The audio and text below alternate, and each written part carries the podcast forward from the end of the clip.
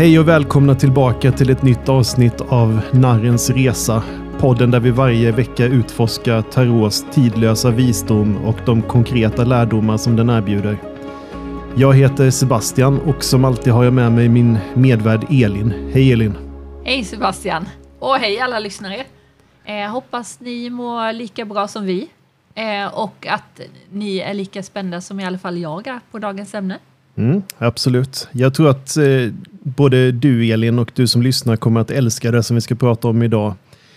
För att det är ett kort som rör mystik, intuition och innersta känslor. Vet du vilket kort jag pratar om? Nej, det skulle kunna vara ganska många känns det ju spontant som. Mm. Eh, jag som inte är så bevandrad i tarotvärlden. Mm. Eh, mm, mm. Döden? Nej. Nej, det är kanske lite för dramatiskt. Månen vet jag att det finns någonting som heter.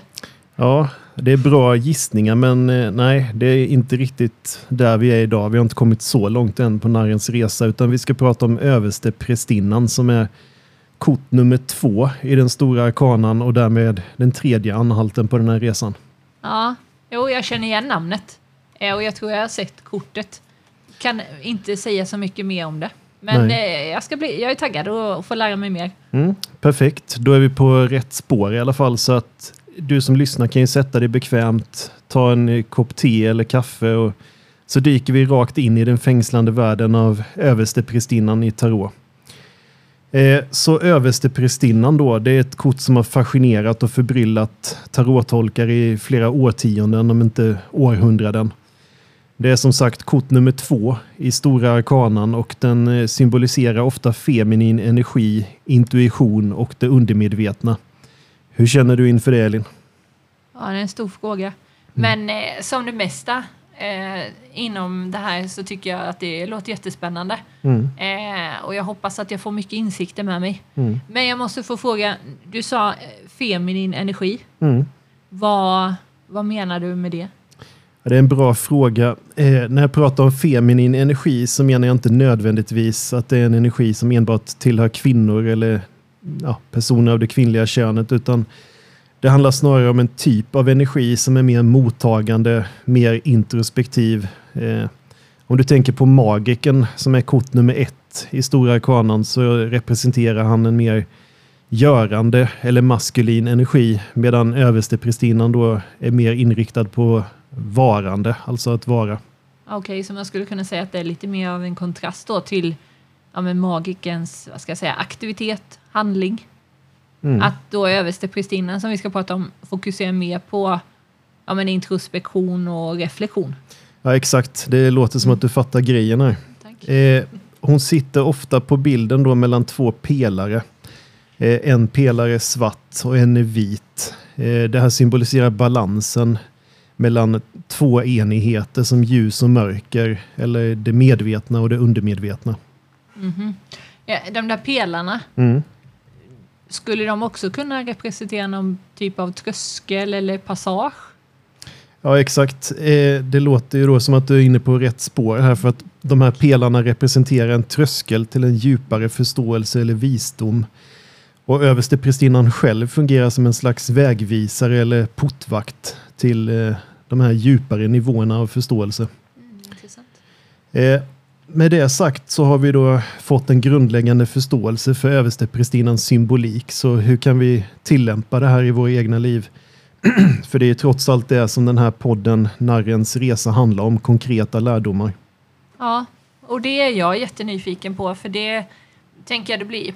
Jag kan uppleva ibland att det blir väldigt, eh, jag ska inte säga flummigt, Nej. men jag säger det ändå. Eh, men alltså jag gillar när det är mer konkret, kan, Mm. Kan visa mig hur jag kan leva i min vardag, liksom Mm. vilka lärdomar jag kan ta med mig. Ja, och då kan man ju tänka på översteprästinnan som en påminnelse om att vi ibland behöver stanna upp och lyssna. Eh, och att då inte bara lyssna på andra människor utan framförallt lyssna på oss själva och vår inre röst. Eh, så kortet är en uppmaning till att vara mer observant, att ta in information innan man agerar. Mm. Okej, så då skulle man nästan kunna säga att det är som att man, ja men, vad ska jag säga, stannar upp och känner efter innan man ja, tar ett viktigt beslut eller, eller man svarar på det där smset som är jätteviktigt eller mejlet. Ja, exakt. Och eh, det sträcker sig också till att lyssna på sina drömmar och sin intuition. Och kanske även att man söker visdom i gamla texter eller genom meditation. Så det handlar inte alltid om att söka svar i den yttre världen utan att man istället vågar blicka inåt och söka svaren inuti sig själv så att säga. Mm. Ja, jag, jag älskar det. Mm. Alltså jag tänker att det är så lätt att vi blir fångade liksom i, i bruset som pågår liksom i livet. Mm. Eh, dag ut och dag in att man, eller i alla fall jag vet hur lätt det är att man liksom glömmer av att stanna upp och reflektera. Ja, och det är ju just det som översteprästinnan uppmanar oss att göra. Eh, när kortet kommer upp i en läsning så kan det vara en tydlig signal om att man behöver mer introspektion, alltså att man blickar inåt. Eh, och kanske även att man söker svar inom sig själv snarare än från externa källor. Eh, med det sagt så kanske vi ska titta lite på den historiska och kulturella bakgrunden och för att verkligen förstå översteprästinnans djup så kan det vara värt att titta på det här för att här, den här kvinnan som avbildas på kortet har anor till antika mysteriekulturer och eh, hon har ofta tolkats som en representation av det gudomligt feminina. Ja, det känns ju som att det finns mycket historia bakom. Mm. Eh, mysteriekulter, det låter eh, mystiskt. Ja, eh, det skulle man kunna säga. Eh, mysteriekulturer, det var ju då religiösa grupper under antiken som hade hemliga ritualer och initieringar. Och eh, översteprästinnan skulle kunna ses som en symbolisk portvakt eh, till dessa högre esoteriska kunskaper. Och eh, jag menar förstås mysteriekulter och inte mysteriekulturer. Ja, Ja. bra. Tack. Ja. Eh, ja, nej men alltså jag tycker ju det här är jättefascinerande. Mm. Eh, och även det här, vi pratade ju först om feminin, eller du pratade om feminin energi Mm. och nu gudomlig feminina. Ja. Vad, vad betyder det? Eh, Det gudomligt feminina det är ett begrepp som används för att beskriva de feminina aspekterna av det gudomliga. Eh, Som till exempel mottaglighet, skapande kraft och intuition. Eh, Det är en energi som kompletterar det gudomligt maskulina och skapar en balans mellan de två. Ja, man skulle ju verkligen kunna säga att det är lite av ett lager på lager. Mm. Alltså både symboliken och olika betydelser. Mm. Så att nu är vi inne på fjärde avsnittet, tredje. Eh, Några avsnitt. Och jag, alltså jag förstår ju mer och mer faktiskt varför folk är fascinerade över tarot. Ja, precis. När det, på narrens resa så är ju översteprästinnan den eh, tredje Ja. efter narren och magiken. Det var nog det jag tänkte på. Mm. Eh, Men som sagt, nej, men jag, det, det är fascinerande Mm. ju mer man lär sig. Ja, eh, tarot är ju en rik källa till visdom och insikt, men eh, vi tänkte ju prata lite om hur, hur det här kan appliceras i vardagen. Så har du någon reflektion kring det, Elin? Ja, alltså jag tänker lite som, som det vi har pratat om och, och som du själv nämnde, det här att man, ja, men man tar en paus, reflekterar kanske innan man gör något av ska säga, större betydelse. Mm. Alltså ett viktigt beslut eller svara på något viktigt. Att man liksom inte bara kör ja, hela livet på autopilot.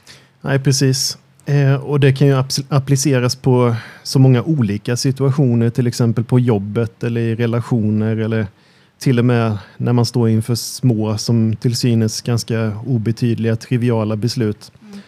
Eh, det är alltid en bra idé att göra en inre statuscheck, om man säger så, för att se till så att man är i linje med sin egen visdom, den inre visdomen. Ja, jag tänkte att det skulle kanske vara att man inför liksom större beslut, men nu sa du också att det är kanske lite mer triviala.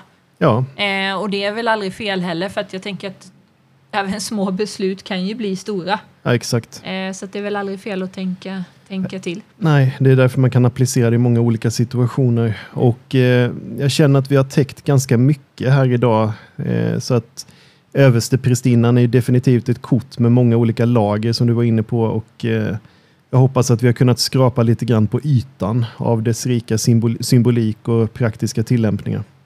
Ja, jag har lärt mig en hel del.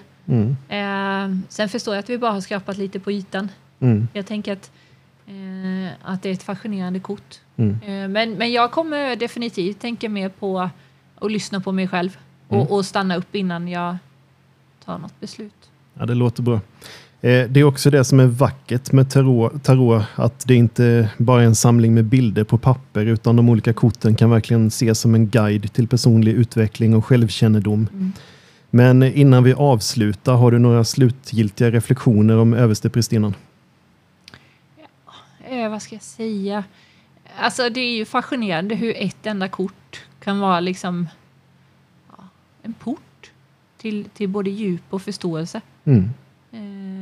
Och det är inte bara det här kortet som är utan jag tänker i stort sett alla kort. Mm. I alla fall de vi har gått igenom hittills. Mm. Så att eh, för varje kort så inser man hur, alltså att man får lärdomar med sig. Ja. Så eh, det jag tycker det är jättespännande att få lära sig mer. Mm. Du ser fram emot att fortsätta på den här resan? Absolut. Ja.